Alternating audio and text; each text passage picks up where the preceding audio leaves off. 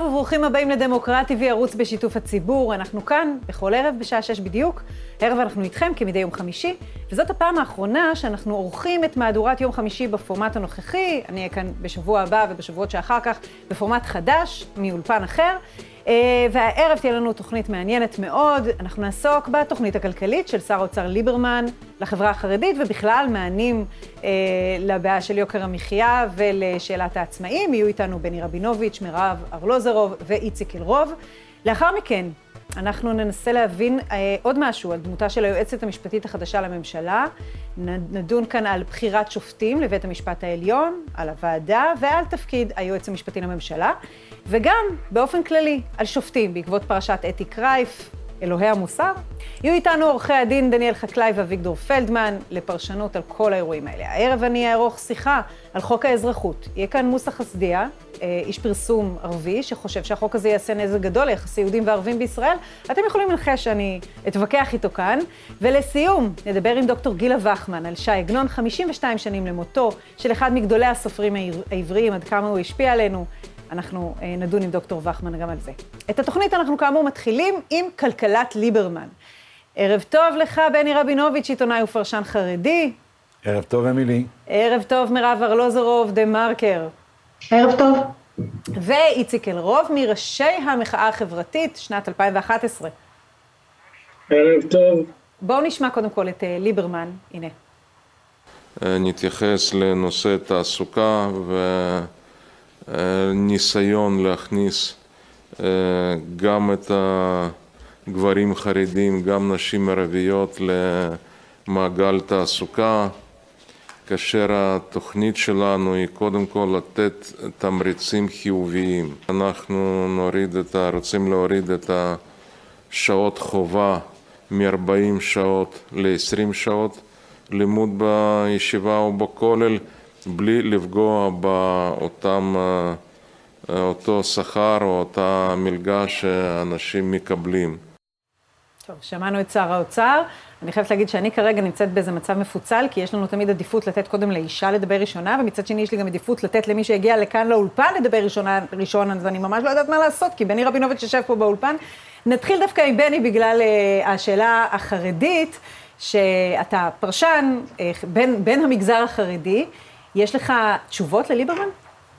כשליברמן מדבר על תעסוקת חרדים, זה פייק מוחלט. כן. כשמירב ארלוזרוב מדברת על תעסוקת חרדים, היא מדברת ברצינות, והיא מתכוונת ברצינות, ועל זה יש לי את הוויכוח. אוקיי, אבל כשליברמן מדבר על תעסוקת חרדים, מעניין אותו תעסוקת חרדים אפס. מה שמעניין את ליברמן זה איך אני מחזיק את ה base הפוליטי שלי, שהוא שונא את החרדים, כן. איך אני מתדלק את השנאה הזאת.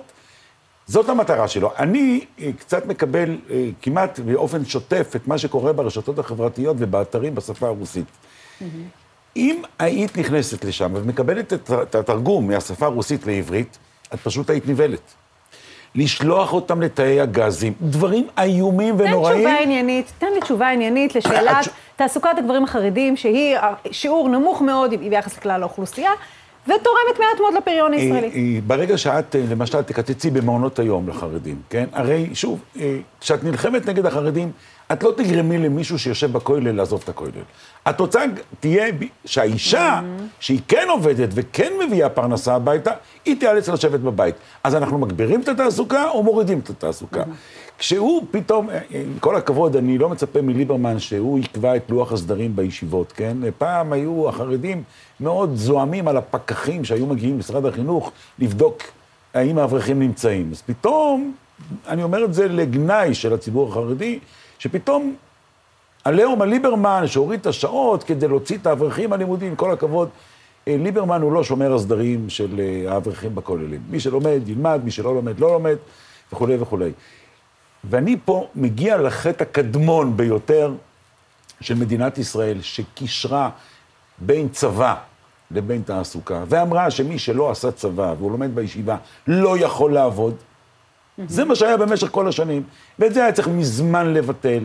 זה גרם לתעסוקה שחורה, אני שם את זה על השולחן, תעסוקה שחורה שגורמת למדינת ישראל להפסיד הרבה כסף.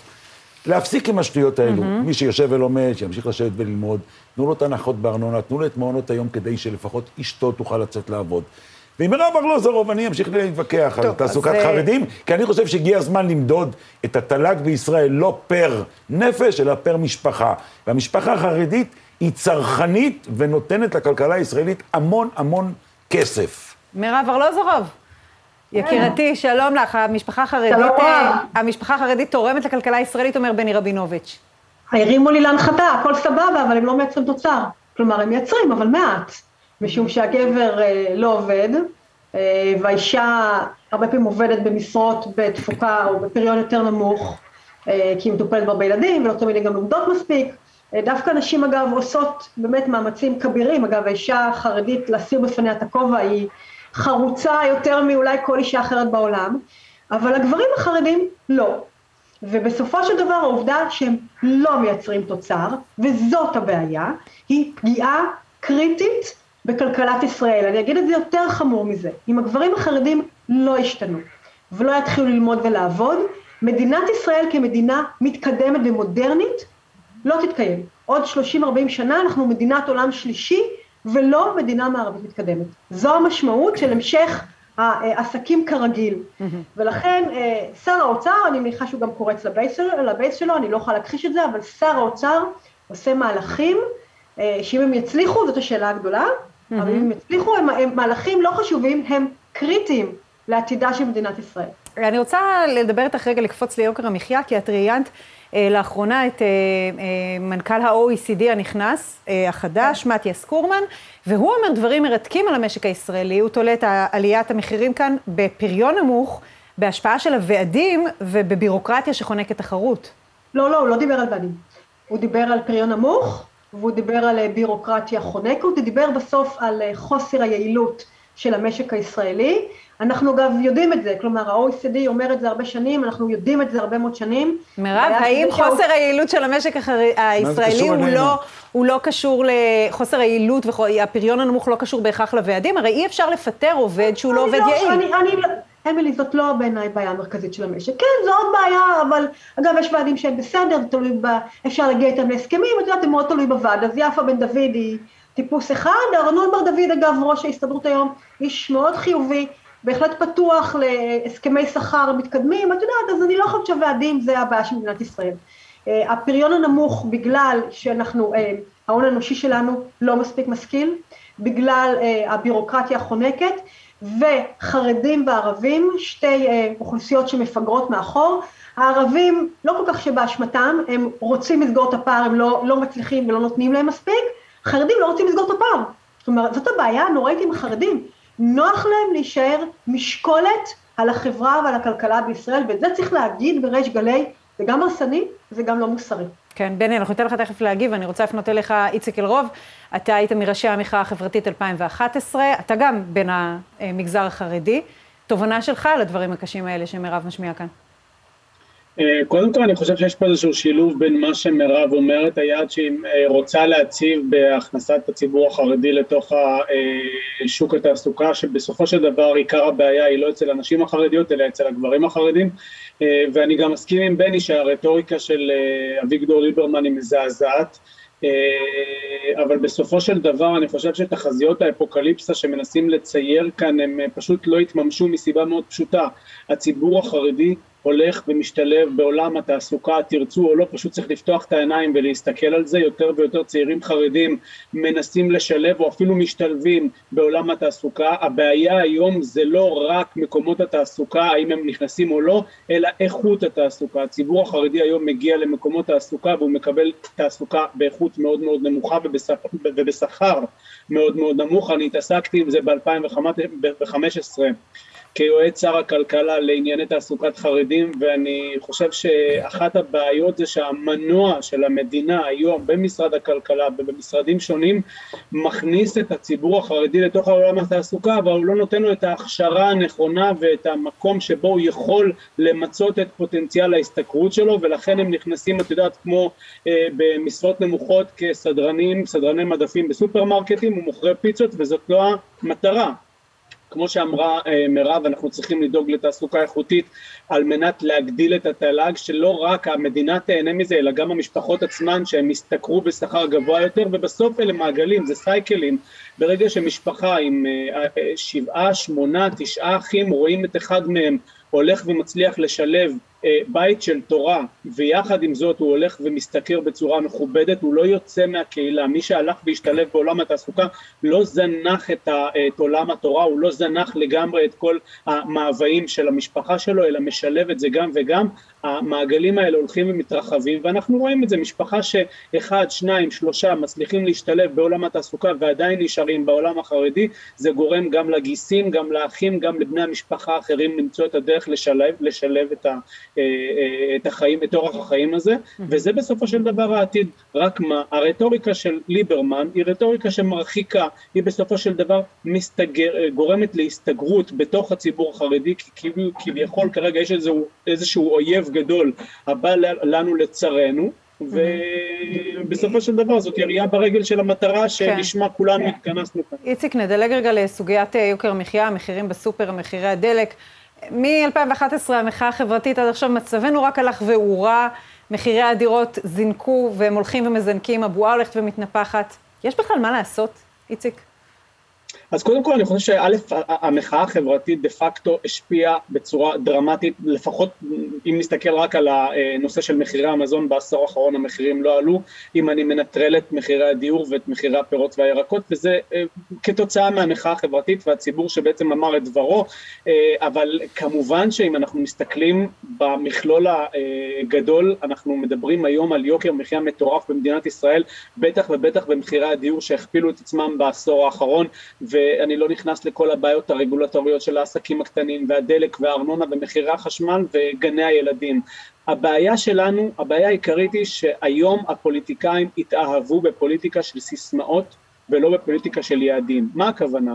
עכשיו כולם כביכול באים ומוחאים כפיים, הנה החליפה הממשלה, הממשלה שלא טיפלה במשך עשר שנים ביוקר המחיה, עכשיו הגיעה ממשלה אחרת הבעיה, שגם הממשלה הזאת היא מעדיפה שאנחנו נמשיך להתעסק בכן ביבי, לא ביבי, האם אנחנו יכולים להתעסק בכל הסיסמאות הנבובות האלה שלא משפיעות mm-hmm. על כלום, על מהות החיים שלנו, על אורח החיים שלנו, על איכות החיים שלנו, אבל כשאנחנו דורשים מהם פוליטיקה של יעדים, פוליטיקה של יעדים זה אומר האם אתה הצבת לעצמך כמנכ"ל משרד אה, השיכון והבינוי, או מנכ"ל משרד האוצר, או מנכ"לית משרד הכלכלה, אם אתה הצבת לעצמך יעדים ועמדת בהם, הצלחת להוריד את המחירים, הצלחת לשים את עצמך בתוך מסגרת שבו אנחנו כציבור יכולים למדוד אותך, כן או לא. ברגע שאנחנו נעבור לפוליטיקה של יעדים, ואנחנו נוכל לומר להם האם, כן עמדתם ביעד, הצלחתם, אם לא, נכשלתם, הם יהיו במקום לא נוח, ולכן הם גם כרגע מנסים להקטין את המאבק ברשתות החברתיות בכל מה שקשור ליוקר המחיה, כי זה לא נוח להם, הפוליטיקאים כולם, כן. משמאל ומימין, מעדיפים להמשיך בפוליטיקה של סיסמאות, האתגר שלנו, הציבור, זה לדחוף אותם לפוליטיקה של יעדים, כן. לשים להם מטרות, ועל ידי זה לבחון אותם. כן. אני, אני יכולה כן. לחלוק על האמירה הזו? כן, בקצרה, כן. אה, כן, ממשלת השינוי, המהלך הכי חשוב, אולי אי פעם, לשיפור היוקר המחיה, אה, לא בתחום הדיור, שם אני מסכימה שאין הצלחה, אבל בתחומים אחרים נעשה לפני חודשיים חוק ההסדרים, רפורמת היבוא, חברים, זאת רפורמה ענקית, מהותית מאוד, אמיצה מאוד, באמת כל גורמים שיכלו להתנגד, יצאו כנגד כולם, נגד היבואנים, נגד מכון התקנים, כנגד כולם, אז נכון שזה עוד רק לפני חודשיים עבר וזה לא התחיל להשפיע, אבל חד משמעית עושים אה, ועושים לא מעט. שוב, בדיור יש בעיה שלא נפתרת, זה אני מסכימה, אה, אבל להגיד לממשלה הזו שהיא סיסמאות והיא לא עושה, סליחה, סליחה, איציק, איציק, להגיד לממשלה הזו שהיא סיסמאות והיא לא עושה, סליחה, זה פשוט לא מחובר למציאות. הממשלה... מירב, תסתכלי על האמירות, תסתכלי על האמירות. רגע, איציק, רגע. אני לא סיימתי, לא הפרעתי לך. רגע, רק אה, בקצרה, כי אנחנו רוצים לפנות גם לבני שיושב כאן. שמה את חוק ההסדרים הכי גדול מאז 2003, ממשלה שעושה המון, אולי לא מספיק, אבל היא חד משמעית עושה המון. ואגב, ותראו את הצעדים לגבי החרדים, צעדים מאוד אמיצים, שוברי סטטוס קוו. כן. אה, בני, אני רואה שאתה הולך והמפלס התגובתיות שלך עולה ככל שאתה שומע את הדברים. ניתן לך אני יכול להתווכח עם מירב, אבל הגיע הזמן, בואו נוריד את זה לרמה העניינית. אולי אני כן. לא כלכלן מדופלם כמו גברת אה, מירב ארלוזורוב, אבל קצת אני מבין, הייתי גם כתב כלכלי כמה שנים טובות ביתד נאמן, ואני מבין קצת בכלכלה. מה שמניע את המשק זאת הצריכה. לא. רגע, רגע. רגע, רגע, זה אנחנו קניית נשמע את דירות, בני, אחר כך נוכל זה. קניית טוב. דירות. עכשיו, רגע, כן. רגע, מירב, תקשיבי לי טוב. אם משפחה חרדית שהבעל הוא אברך בכולל ומקבל מהמדינה את ה-700 שקל המסכנים האלו, אבל הדוד סם באמריקה, כן? נדבנים באמריקה שהם תורמים ל- לישיבות, לאברכים, מאות מיליונים של שקלים או אפילו דולרים. כן. הכסף הזה מגיע למדינת ישראל. מה האברכים עושים עם זה? מה המשפחות עושות עם הכסף הזה? הם קונים אוכל, הם קונים מוצרי מזון, הם קונים את כל מה שמירב צריכה לבית וכל אדם אחר צריך. אתה הם קונים תסתמך דירות. על נדבנות יהודית, פילנטרופיה לא, יהודית, אני, ולא תצא אני לעבוד. מתכוון לומר משהו אחר. יש הבדל בין משפחה חילונית עם שני ילדים, שהצריכה החודשית שלהם והתרומה שלהם למשק, לג, לגלגול המשק, הוא מעט מאוד, הוא כלום. לא נכון. כי הם לא קונים נכון. חלב אחד בשבוע, אבל אם אני צריך לשרת את קונצרן תנובה, שמעסיק ים של עובדים וחקלאים, מי היום מספק את, ה, אה, אה, את הכלכלה הכי מרכזית לחברת תנובה במדינת ישראל, או לטרה? זה הציבור החרדי, כי יש לו... או, אפשר לא להמציא את כללי עכשיו, הכלכלה מחדש? מירב, מירב, לא, אה, רק שוב, לא הפרעתי לך. אה, לא הפרעתי, ואותו דבר כן. גם עם דירות. כן. אותו דבר, הם מניעים את גלגלי המשק, זה מה שמניע, ולכן אני אומר, עם כל הכבוד, אם ניקח את ה-OECD ונעשה את בהשוואה, לא פר נפש, אלא פר משק בית, ואז לחלק את זה לנפשות, אני חושב שמדינת ישראל תהיה במצב מעולה. לכן אני אומר, הגיע הזמן להוריד את המפלס הזה, ודבר נוסף, אני בהחלט מסכים עם איציק. כשהיה בשעתו חוק הגיוס, והייתה אותה עצרת מפורסמת בירושלים של מאות אלפי חרדים. מה בעצם העצרת הזאת גרמה לחוק הגיוס? כמו שאמר איציק, הציבור הסתגר כשהתחיל איזשהו תהליך של חבר'ה שלא לומדים, להתגייס, ובא חוק הגיוס, סגר את כולם שוב בפינה, אתם נלחמים נגדנו, אנחנו נחזיר מלחמה. זה אבל מה עכשיו יש שליברמן חוק גיוס עושה. שמשחרר את אם החרדים. ליברמן היה באמת רוצה לעשות את הדברים בצורה אמיתית. הוא לא היה מדבר בשנאה כזאת, בהסתה כזאת. מירב, את יכולה להסכים שהסגנון ולזרוק את המרי- המשתלח- לזרוק רגע, את רגע, החרדים אבל חברים, ממריצות בואו בפח ניצמד זבל. לעובדות. באמת. כן. בואו נשמע את מירב. כן. אי אפשר בלי עובדות. חוק הגיוס החדש עושה בדיוק את זה, משחרר את החרדים מגיוס לצבא. בגיל 21, אודרוב, הם משוחררים, יכולים ללכת לעבוד. הרי בדיוק כל מה שהחרדים כביכול רצו כל אבל לא השנים. דיברתי על חוק הגיוס. הזה, דיברתי על חוק הגיוס אז למה החרדים הקודם. לא מרוצים? למה הם לא מרוצים? אני מרוצה, הנה. אני מגלה לך סוד, אני מרוצה. רגע, החרדים, החרד, החרדי ברחוב בוודאי מברך על כך. מי לא מרוצה? ההנהגה החרדית, אז זה- שנוח לה להשאיר את הצעירים בתוך חומות הגטו. בסוף מירב, יש כאן באמת הנהגה שמובילה את החברה שלה במשך- למקומות לא במשך טובים. הרבה מאוד זמן, אה, במשך הרבה. מאוד זמן. זאת, זאת המחשבה באיזשהו מקום היא טעות קריטית, למה? כי הרבה פעמים אנחנו שומעים את השיח הזה באולפנים, שאנחנו הפוליטיקאים החילונים מדברים אל הצעיר החרדי ולא אל העסקנים החרדים, ואנחנו נלך ונפעל ונפתח לו את השורות והוא יעזוב. בסופו של דבר הציבור החרדי מצביע פעם אחר פעם לאלה שאנחנו קוראים להם עסקנים. והמחשבה אני- הזאת שיהיה אפשר. לדלג מעליהם, והמחשבה לא, הזאת שיהיה אפשר לדלג נחזור, מעליהם. בואו נחזור לרמת העובדות. חוק הגיוס משחרר את החרדים מחובת גיוס בגיל 21.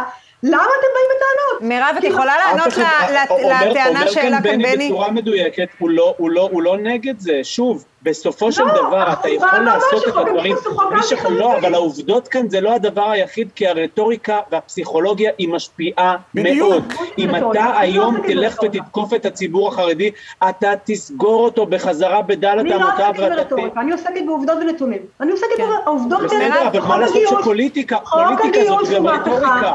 חוק הגיוס הוא מהפכה, הוא משחרר את החרדים בגיוס לצבא בגיל 21. אלה העובדות, נקודה. אני עכשיו, מסכים איתך, למה- מירב, למה החרדים לא מירב. מרוצים מזה? לא יודעת. מירב, אני מסכים איתך לגמרי, שאם נסתכל נטו על חוק הגיוס, שעכשיו חוקק, לא מה שהיה אז בעבר, אלא חוק לא הגיוס האחרון, אני יכול להסכים עם. כל מה שאת אומרת, אבל מה אומר איציק ומה אני בעצם אומר? הרטוריקה וכל, ה- ה- לקחת את הציבור החרדי ולהכניס אותו לפינה, התוצאה תהיה הפוכה. וזה בדיוק מה שאני אומר. אז מירב ארלוזורוב מדברת אולי כלכלית, מדברת עניינית, תעסוקתית, אבל עם כל הכבוד, הציבור החרדי לא שומע את מירב ארלוזורוב. בני, מה כן הציבור החרדי שומע את איווט ליברמן, את השנאה שלו, את ההסתה שלו. אני רוצה מכם, חברים. רגע, אני רוצה מכם מכל אחד משפט אחד, שאנחנו, לצערנו זמננו קצר, מה כן יכול להועיל להוציא את החרדים. החוצה אמ, מעבר למה שנעשה עד כה? אז הנה, במקום כן. רטוריקה, להסתכל על נתונים. כן. צעיר חרדי יקום מחר בבוקר ויגלה שבגיל 21 יוכל ללכת לעבוד. זה לא ישפיע, זה לא ישנה, בואו נראה. אוקיי. למרות הרטוריקה אה, גם. איציק אלרוב, מה יכול לסייע לשנות את תמונת המצב של תעסוקת הגברים החרדים?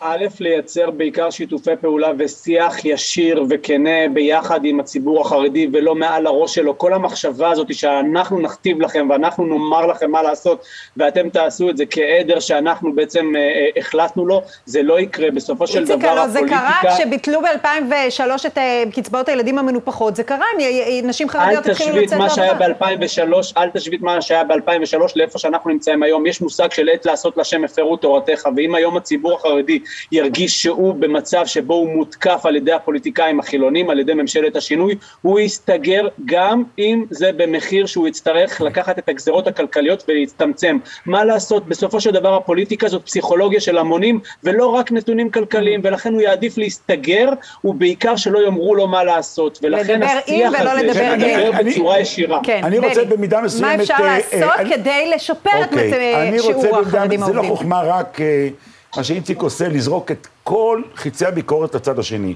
אני בהחלט אומר, הגיע הזמן גם לביקורת עצמית.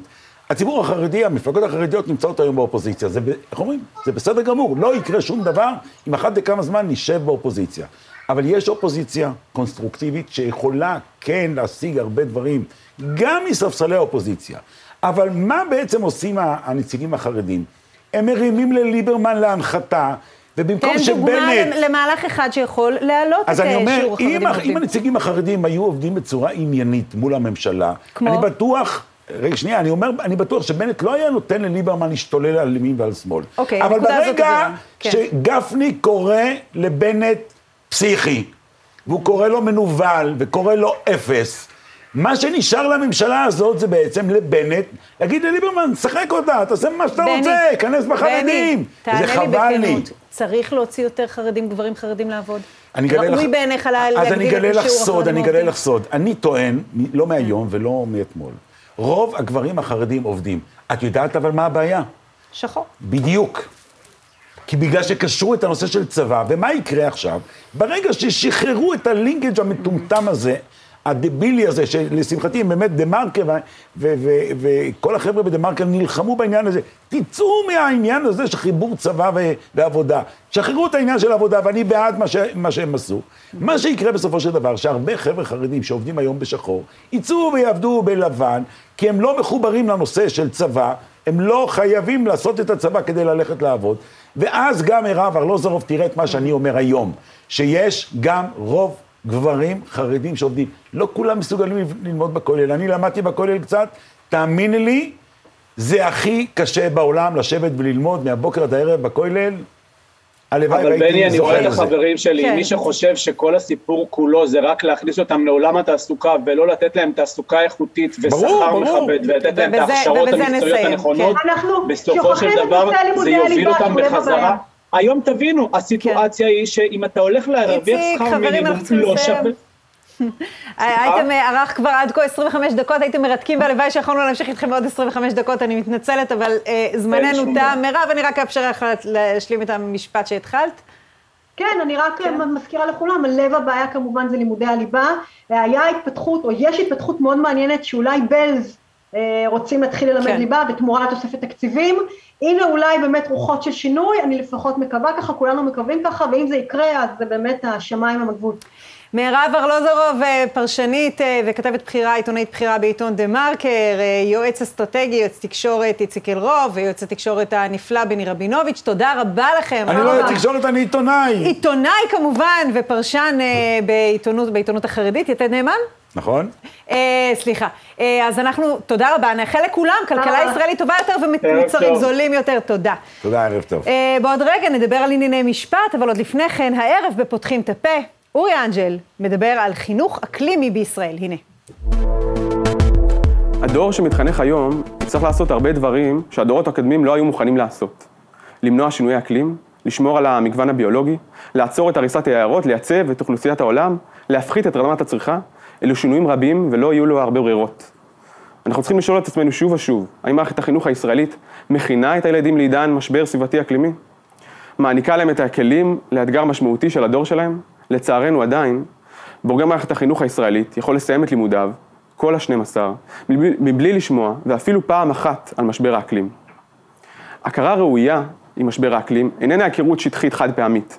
מדובר בהקניית ידע סביבתי מעמיק ורב. כדי לתת לילדים כלים, אנחנו צריכים להקנות להם מצפן אקולוגי, הכולל הבנה מוסרית מחודשת של מערכת היחסים בין האדם לטבע. כואב לי וכך שמערכת החינוך לא מכינה את התלמידים לקראת משבר האקלים. היא לא מכינה אותם. מערכת החינוך גם לא מכינה, מכשירה את המורים והמנהלים לנושא. הם פשוט לא יודעים ללמד את זה. יש כמה השתלמויות מורים בודדות. אני עושה חסד עם משרד החינוך שאני מזכיר אותם.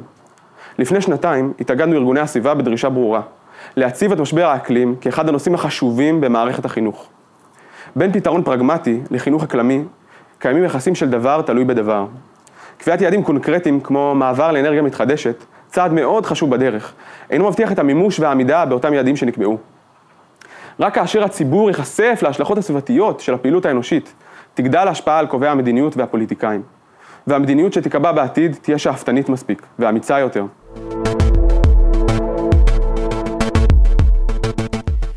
טוב, התחלנו עם כלכלה, המשכנו לחינוך, והנה אנחנו בעוד נושא חשוב בחברה הישראלית, נושא המשפט, מינוי של יועצת משפטית חדשה לממשלה, וקצה קרחון שמתגלה לנו על מי הם השופטים בישראל בעקבות פרשת אתי קרייף. אנחנו רוצים uh, להגיד שלום וערב טוב לעורך דין uh, דניאל חקלאי, שלום לך, ועורך דין אביגדור פלדמן, שלום, שלום גם לך. Uh, האמת שאני בפרשת אתי קרייף חטפתי חתיכת uh, באסה מרמת העולם השיפוט uh, בישראל. רציתי, קיוויתי מאוד שהשופטים אכן יהיו מורמים מעם, אכן יהיו מודלים מוסריים, או אפילו לשוניים, וגם את זה לא ראינו. אביגדור פלדמן, גם אתה חשבת ככה? כן, אני לא חשבתי כך, אני אף פעם לא חשבתי שהשופטים הם מלאכי שרת. ואם נסתכל גם באופן שבו נבחרים שופטים, שזה מה שנחשף בפרשת אתי נווה, ואחריו, נראה שאי אפשר שהוועדה הזו למינוי שופטים תמנה שופטים ראויים. היא מורכבת מכל הצבעים של האוכלוסייה. היא קואליציה, אופוזיציה, לשכת עורכי הדין, אקדמאים, היה ברור שהאלה יעשו בריתות אחד עם האחר, וימנו אנשים שמקובלים על כולם. אנשים שמקובלים על כולם הם לא אנשים, הם לא אה, אנשים טובים. לכן שיטת מינוי השופטים פסולה, ואולי זה יהיה מפנה לשנות את השיטה. טוב, גם מנכ"ל איקאה התקדם דרך המיטה, כך שמעתי. אבל אה. על הרעיון, עורך דין דניאל חקלאי, ששופטים ממונים באופן הקלוקל שנחשף בפרשת אתי קרייף, אתה יכולת לדמיין שזה המצב? הכרת את זה? תראי, אני אגיד לך ככה, קודם כל, אה, אני לא מאמין שאני חולק על האדמו"ר של הסנגורים הפליליים, אבל אני אחלוק על אביגדור. אה, נכון שיש בעייתיות עצומה בשיטה, אני עדיין חושב שהשיטה הזו, יש בה איזונים. מצד אחד אכן נבחרי ציבור, כלומר חברי הפרלמנט שלנו, חברי כנסת, מצד שני שני שרים מטעם הממשלה, מצד שלישי ביטוי לעורכי הדין, ומצד רביעי שופטי בית המשפט העליון. לטעמי השיטה הישראלית טובה מהשיטה בארצות הברית, אבל אני מסכים עם אביגדור שהשיטה צריכה להיות שקופה יותר. אני בניגוד לך לא הופתעתי, לא מפני שאני חכם יותר או עמוק יותר, אני פשוט סנגור פלילי לאורך 22 שנה. אה, לא רק תחום המשפט הפלילי, אבל בעיקר המשפט הפלילי. חשוב לי לומר, באמת בלי להגיד שום מילה אישית על אתי קרייף, שיש גם הרבה מאוד שופטי שלום שהם אנשים מאוד רציניים, מעמיקים, יסודיים, בעלי אה, חוש אה, של צדק. ישנם גם בינוניים יותר. אה, נכון, ואותו דבר לגבי שופטים מחוזיים. והם נבחרו מטעמים פוליטיים? אלה הבינוניים, למה הם הגיעו לכס השיפוט? אה, לעתים חריצות, אה, לעתים יעילות, לעתים דווקא בגלל שהם לא מאתגרים את המערכת מבחינה אינטלקטואלית או מבחינה ערכית. יש מכלול סיבות. המערכת הזו, לטוב ולרע, היא מערכת שמרנית. אני חייב לומר, בהקשר של האם ממנים מטעמים פוליטיים, התשובה היא כן ולא. מצד אחד בודקים קודם כל את ההיבטים המקצועיים, מצד שני, העובדה היא שלעיתים מנסים לדחוף אה, מועמדים אה, שאמורים להיות אה, מזוהים פוליטית בדרך כזו או אחרת, לפחות בהיבט של שמרנות מול ליברליות, אקטיביזם מול פסיפיזם וכולי. ראוי בעיניך, עורך דין פלדמן, לא. אה, לייצר תמונת מראה של חברה ישראלית, לתת ממש. איזון, לתת ביטוי לקולות בחברה הישראלית? ממש לא. זאת אומרת, אדם שמקובל על כל צבעי החברה הישראלית, הוא יהיה אדם אה, בינוני, אדם שלא מאתגר אף אחד. פה אני אדם, מסכים. אדם שמנסה לרצות את כולם, וחוץ מזה זה פתח לבריתות, לקואליציות. תן לי שופט דתי, תקבל במקומו שופט אה, שמאלני. תן לי מזרחי, תקבל מה במקומו יגידו אשכנזים. ציבורים שמרגישים שקולם לא בא לידי ביטוי ב- בתוך כס השיפוט? לא ל- רואים את בני דמותם יושבים שם. לדעתי, ההצעה שלי למינוי שופטים היא שונה. אני חושב שהשיטה האמריקאית היא שיטה טובה. תפרט. אני חושב ששר המשפטים, נגיד שר המשפטים, בארצות הברית זה הנשיא, יבחר לו שופט, והשופט יעמוד לשימוע פומבי בכנסת. בכנסת תמנה ועדה שאכן תייצג את כל הגוונים, והיא תעשה לו שימוע פומבי לשופט, ואז נדע את מי בחרנו. נדע לא אחרי שהוא נבחר, נדע ואז לפני הכנסת זה. מצביעה על כל מינוי? ואז הכנסת צריכה להצביע, לדעתי ברוב מיוחס כזה או אחר, ואז ייבחרו שופטים שהם גם שופטים שיש בהם אתגר. כי אם נסתכל עכשיו, בלי להעליב אף אחד, בבית המשפט העליון, נמצא בית משפט, אה, צר לי לומר את זה, די כנוע, לפעמים אפילו אתה מרגיש קצת מבוהל, קצת מפוחד, משום שיש שם אנשים באמת שנבחרו על בסיס היכולת שלהם לרצות אה, קבוצה גדולה של אנשים. שופט לא צריך לרצות, שופט צריך להיות איש אמיץ, איש עם דעות ברורות, ואיש שלא נטול כל זיקה פוליטית או אחרת. יש ואין- מישהו שנטול זיקה פוליטית. בחייאת, לכולנו יש משקפיים שאנחנו מרכיבים, זה משקפיים שקשורות לאיפה גדלנו, ומה השקפת העולם הפרטית שלנו, וכולנו מצביעים בסוף לכנסת, לכל אחד יש אה, עולם פרטי. אם את זוכרת את אה, תעמולת הבחירות של איילת שקד, הבחירות, איילת שקד אמרה, אני, אני בחרתי חצי מבית המשפט העליון. אני מיניתי חצי מבית המשפט העליון, שזה נשמע איום ונורא. נכון שיש הפתעות, לפעמים, זה קרה בארצות הברית, ממנים שופט, כולם חושבים, מדובר באיזה ליברל יוצא מן הכלל, פתאום מתברר בבית המשפט שמדובר בשברן, באדם ששוקד על שמריו, באדם שלא מעז לעשות שום דבר. בית המשפט העליון צריך להיות בית משפט מעז. אתן לך דוגמה. בית, בבית המשפט העליון פסק, פסקי דין ניתנים, ניתנים ברוב דעות. המושג או המוסד של דעת יחיד הלך ונעלם מבית המשפט. מני מזוז, שהיה שופט עליון, כן. כן. פרש וסיפר כי הוא פרש משום שהוא היה נגד הריסת בתים של מחבלים, שזה עונש קטלני. של משפחות. של משפחות כן. של מחבלים כמובן. כן. והוא, כשדעתו לא התקבלה, והוא המשיך ולהיות בכל פסק דין במיעוט, הוא פרש, הסתבר שאנשים לא מצטרפים אליו. יש לנו שופטת אחרת, דפנה ברק ארז, גם היא מתנגדת אה, להריסת בתי משפחות של מחבלים, אבל היא מדי כל פסק דין כותבת, נכון, זו דעתי, אבל מאחר והרוב תומך באמצעי הזה, אז אני אצטרף לרוב. זה אני אלו בזמנו- כללי הדמוקרטיה. לא, אני רוצה גם לא, לעבור לנושא בית היועצת משפט- המשפטית. בית משפט הוא לא דמוקרטי. בית כן. משפט אני רק הוא- באמת, כן, משפט אחד. לגבי הדברים של אביגדור. אה, אני, אה, לו במדינת ישראל הייתה חוקה דמוקרטית ליברלית כמו בארצות הברית, ייתכן שהיה מקום לדבר על השיטה של ארצות הברית. אני חושש, שוב, אני אומר את זה עם הרבה הערצה לאביגדור והרבה אהבה, אבל אני, אני חושש שאם אכן תתממש השיטה של שימוע בפרלמנט או בכנסת, כן. דווקא השופטים ירצו לרצות יותר את חברי נגיע הכנסת. לפופוליזם. ממש כך. אבל בשיטה שאתה, שאתה תומך בה, השיטה הנוכחית, בעצם יש איזה מצב שבו שופטים נוטים באופן טבעי לבחור את בני דמותם, ואנחנו נשארים בקליקה סגורה. א', אה, אני לא בטוח שזה נכון אה, לגבי השנים האחרונות, 20 השנים האחרונות. ב', אה, אני, השיטה הנוכחית היא שיטה שיש בה מגרעות, היא שיטה שרחוקה מלהיות מושלמת. אני חושב שצריך באמת לשלב בין מגוון תרבותי וסוציולוגי מצד אחד, לבין איכות מקצועית, וכפי שאמר אביגדור, עצמאות מחשבתית ואומץ אה, מצד שני. גלי בהרב מיארה, היועצת המשפטית החדשה לממשלה, מה אנחנו יודעים עליה? דניאל?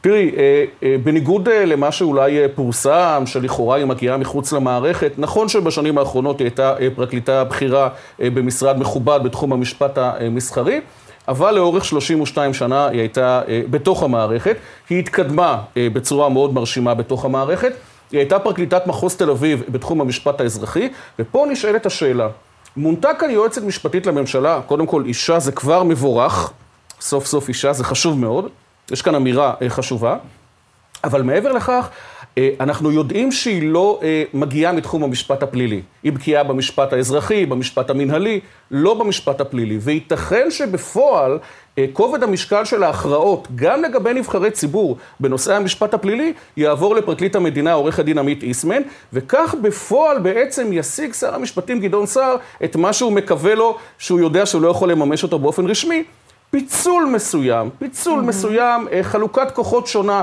בין אה, מי שיוביל את ההיבט הפלילי, ראש התביעה הכללית בפועל, עורך הדין עמית איסמן, mm-hmm. פרקליט המדינה.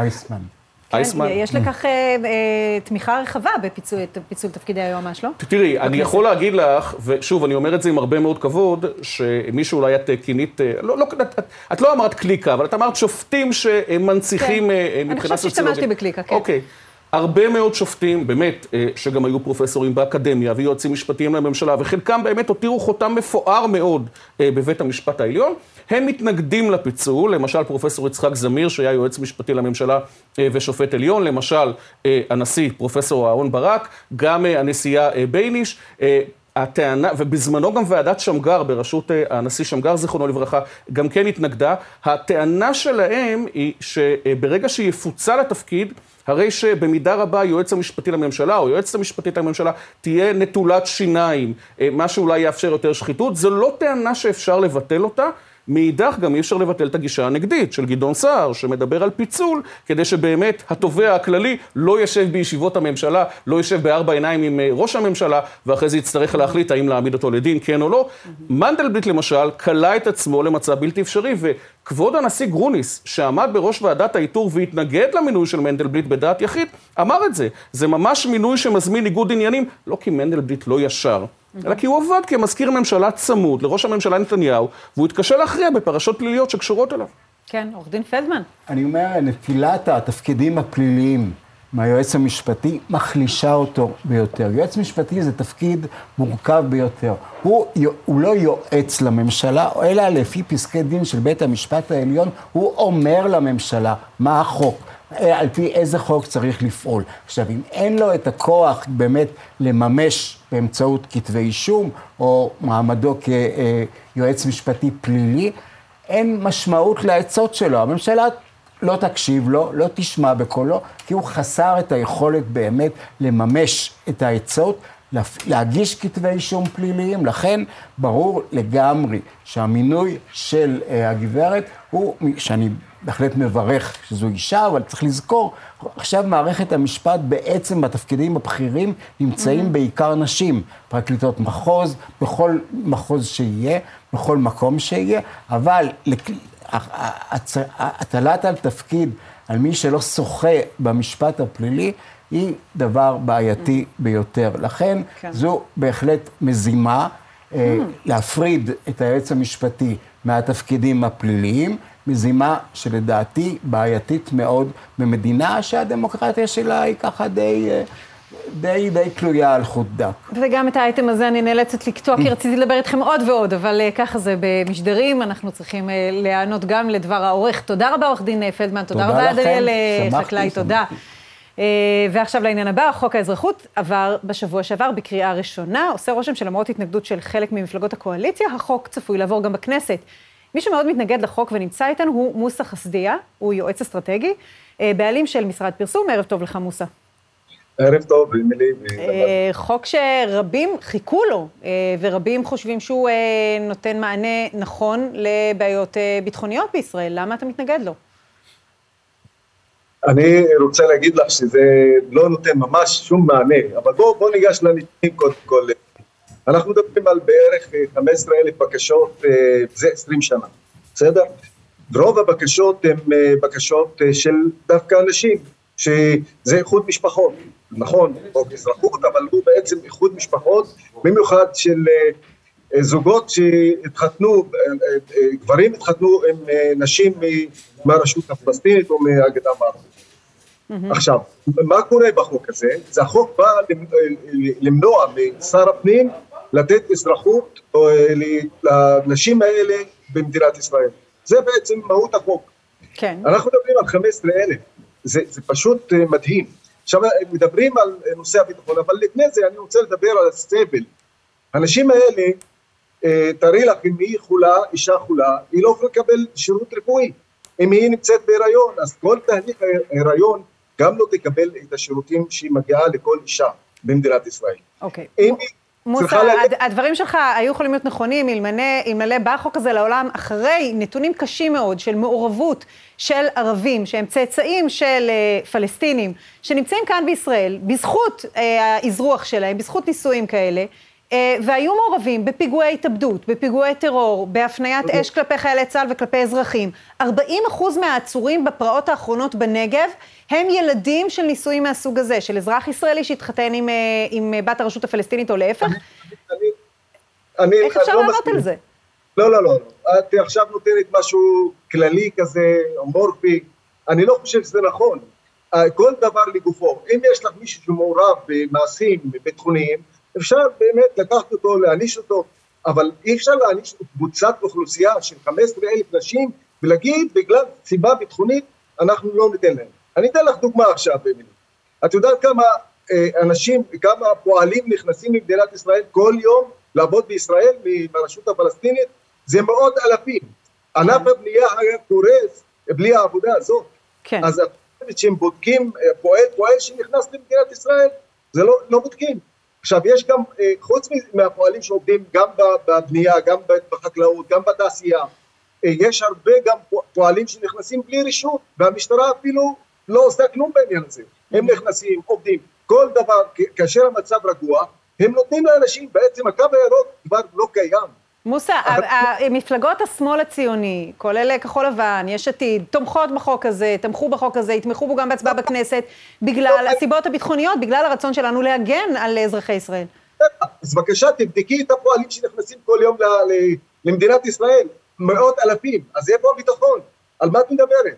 לא רק זה, לא רק שנכנסים בהיתרים, אלא יש אה, עשרות אלפים שנכנסים בלי היתרים, המשטרה נותנת, כל עוד המצב הביטחוני רגוע והכל בסדר, נותנים להם להיכנס ולעבוד, להתפרנס. אתה יודע מה? אתן לך עוד דוגמה. עשרת אלפים פועלים נכנסים כל יום מעזה, היום לעבוד במדינת ישראל, אז איפה השיקול הביטחוני? זה שקר. זה, זה בעצם... אתה סבור שלא צריך להגביל את זה בכלל? זאת אומרת, נישואים בין ערבים ישראלים לבין אה, תושבי הרשות הפלסטינית, בלי הגבלה, נוכל לקבל כאן אולי שלושה מיליון אה, אזרחים חדשים. כמה תקבלי? תשעה מיליון? שלושה מיליון. באמת, באמת. אם תושבי עזה ויהודה ושומרון יוכלו להתאזרח באמצעות נישואים, מה ימנע את זה מהם? סליחה, את מונעת זכות יסוד שלי להתחתן עם בת זוג שלי. לא, אתה יכול ב- להתחתן איתה ולעבור למדינה שלה, לרשות אה, שבה ב- היא מתגוררת. טעות, זה המדינה שלי. אני כן. קיים כאן בשביל להמשיך להתקיים כאן. זה מדינה שלי. החוק הזה הוא חוק גזעני, אי אפשר להתעלם מזה, אל תסובבי את זה לכאן או לכאן. עכשיו, גם השרה שקד אמרה, זה למנוע דמוגרפיה, את, את צודקת, היא אמרה את זה. 15 אלף? באמת, באמת. זה חוק שנוגד את החוק הבינלאומי לזכויות האדם. זה חוק, ואנחנו כועסים על אמנסטי, שאומרת מדינת ישראל היא מדינת אפרטהייד. בואו נגיד לך משהו, מדינת ישראל כבר החוק, החוק, הקו הירוק הוא לא קיים. אנחנו הפכנו להיות מדינה אחת, לא יעזור כלום, זה, זה המציאות. בלי מאות אלפי העובדים בישראל שנכנסים כל יום, כן. אי אפשר לקיים המשק הישראלי, דיברתם על כלכלה, המשק הישראלי לא יכול להתקיים. יש לך אז- מענה אחר למדינה שמבקשת להגן על חייה, להגן על חיי אזרחיה, ולפי הנתונים אנחנו רואים שיעור גבוה מאוד של מעורבות בפיגועי טרור אצל בני האיחוד משפחות, אצל אה, אלה שאיחדו משפחות ואצל ילדיהם. גם בפרעות בחודש מאי, גם בפיגועי טרור לאורך השנים, גם באינתיפאדה השנייה בשנת 2000. זכויות- זכותם של אנשים גם להביע דעה פוליטית, להפגין, אני לא יודע, פרעות, לא, את, את מכניסה בצורה כללית, זה לא נכון. אם יש משהו ביטחוני, אפשר תמיד לפנות לנושא הזה בצורה אה, משפטית, ול- ולתבוע את האנשים שעושים את הדברים האלה, הם לא נגד ביטחון המדינה, אבל אי אפשר להכליל את זה על אוכלוסייה שלמה. תביני, זה חוק גזעני. את יכולה להתחתן עם מי שאת רוצה, ואת עוברת תהליך מסוים, וזה בסדר. תני לי לעבור אותו תהליך. אל תתני לי, פה זה למנוע, למנוע אזרחות מהבת זוגי, בת זוגי שהיא נחתת בגלל שהיא פלסטינית. אנחנו בני עם אחד, זה זכותנו גם להתחתן, בני עמים, וזה לא תופעה גדולה, אני אומר לך, 15 אלף, באמת, זה דבר זה דבר גזעני ביותר. כן, אני מבינה את הטענה שלך על, על, על הגזענות, ואתה יכול להשמיע אותה. אני הייתי שואלת אם היה פה נציג של מרצ, שזו תנועת שמאל ציוני שתומכת, אה, שמתנגדת לחוק, אז הייתי שואלת אותם, אם אתם כל כך רוצים להגן על, אה, על אה, אזרחי ישראל ממדינה, להישאר מדינה יהודית, ואתם מוכנים לוותר על שטחי יהודה ושומרון כדי לשמור על הרוב היהודי, אז למה כשמדובר בחוק האזרחות לא תשמרו על הרוב היהודי? אבל זו שאלה שאי אפשר להפנות לבין המגזר הערבי. אני רוצה לענות לך, אני רוצה כן. לענות לך. אין כבר, אין שתי מדינות, זה מדינה אחת, לא יעזור כלום. שני עמים חיים כאן, זה כבר מדינת ישראל כל הזמן עשתה את הכל בשביל שתהיה מדינה אחת. לא יעזור, עזבי עכשיו שתי מדינות, אני, אני לא מאמין בזה. אנחנו היום ביחד, אנחנו לא יכולים בלי היהודים, והיהודים לא יכולים בלעדינו, מה לעשות? אז אתה תתמוך בהחלת ריבונות, שמדינת ישראל תכיל ריבונות ביהודה ושומרון לפיכך? אני בעד מדינה דו-לאומית. גברתי, אתם לקחתם את זה לשם. אתם לקחתם, אז עכשיו אני לא רוצה להיכנס להגדרות, אתם לקחתם, מדינת ישראל, ממשלות ישראל, לקחו את זה לעניין הזה של מדינה אחת, אז בבקשה, כן. אנחנו רוצים מדינה אחת. אז בואו בוא נגדיר עכשיו, אה, נגדיר בפשטות את, את נקודת המחלוקת בינינו. שנינו מסכימים, אני אשת ימין, אתה איש שמאל, שנינו מסכימים שיש פה מדינה אחת, אני חושבת שזו צריכה להיות מדינה יהודית, בעלת רוב ערבי, אה, בעלת מיעוט ערבי, מיעוט שווה זכויות ערבי, אתה חושב שמדובר במדינה דו-לאומית. כאן אנחנו חלוקים, אבל החלת ריבונות על כל השטח, אתה מסכים איתי. אני לא, אני מסכים איתך בדבר אחד, זה מדינה דו-לאומית של שני עמים, זה מה שיש במציאות. Mm. אתם, את מתכחשת למציאות, אמילי. כן. את מתכחשת, את יודעת כמה הפלסטינים נמצאים מהנהר עד הים? שש וחצי מיליון, שבע, אותו דבר. יש מחלוקת גדולה על הנתונים האלה, כן. אה, טוב, מוסא חסדיה, ההתנגדות שלך הייתה צריכה להישמע, נישאר חלוקים, כמו שאומרים. תודה רבה לך, איש הפרסום אה, מוסא חסדיה, על הדברים המעניינים שהשמעת. אה, לפני סיום אנחנו נדבר על ש"י עגנון. השבוע לפני 52 שנים נפטר אחד מגדולי הסופרים העבריים הטובים, החשובים בכל הזמנים, ממשיך להשאיר את חותמו על כולנו. כדי לדבר על עגנון נמצאת איתו דוקטור גילה וחמן, מרצה במכון שכטר למדעי היהדות ובאוניברסיטה העברית, שלום לך. שלום, אמילי. את מלווה את עגנון במחקרייך כבר uh, תקופה ארוכה. ספרי לנו משהו על הקסם שלו. וואו, אה, טוב, עגנון לא צריך אותי כדי להמליץ עליו, כן? הוא כבר אה, זכה בפרס נובל, כפי שוודאי כולם יודעים. אה, ואני גם מוכרחה להגיד פה באמת, אני לא, לא רואה את עצמי כאחת החוקרות המרכזיות שלו או משהו כזה, אני מלמדת את יצירתו במכון שכטר, ואני באמת, בשנים שאני מלמדת אותו, ככה ממש מרגישה איזו היכרות. אגב, אני גם גרה מאוד קרוב לבית שלו, שזאת זכות גדולה, בתלפיות בירושלים.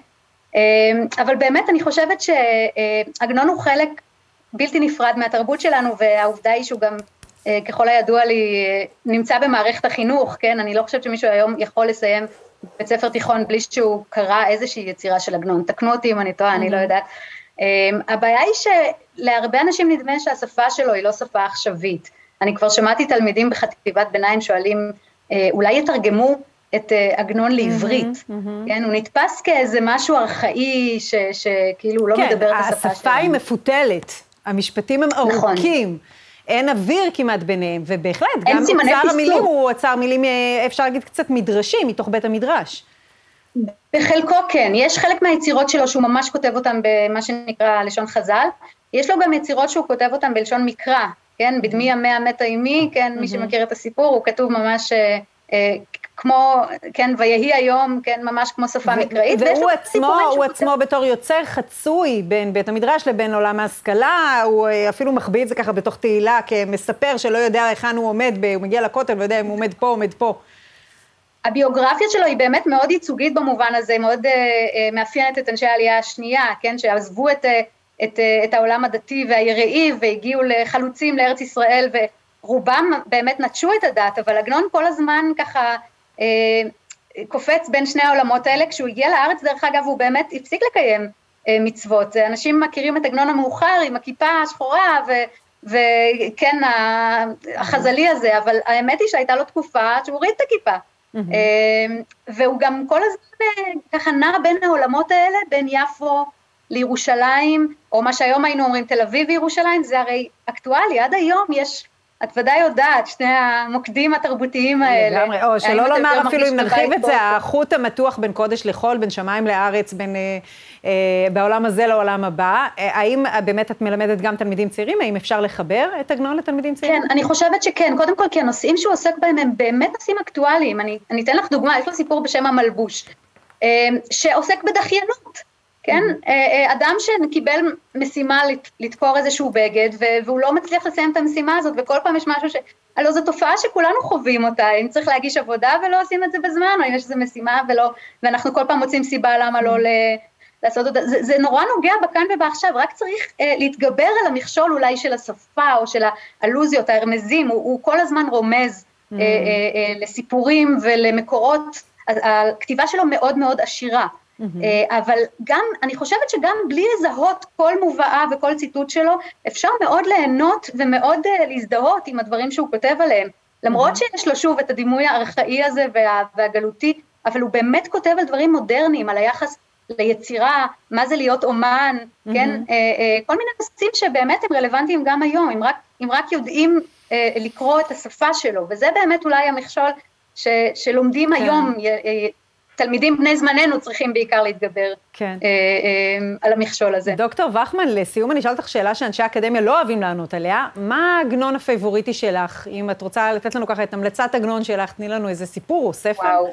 אחד? זה תלוי באורך הנשימה. אני מאוד מאוד אוהבת אתמול שלשום את הרומן שלו, שבאמת מתאר אה, אה, את אנשי העלייה השנייה, אבל זה ספר אה, רחב יריעה וארוך.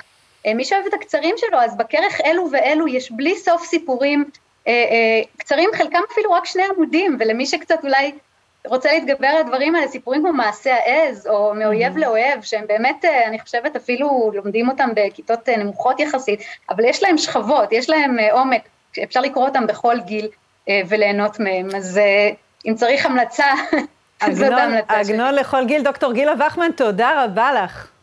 תודה, אמילי. להתראות. לפני שהתוכנית הזאת מסתיימת, כמה מילים אישיות.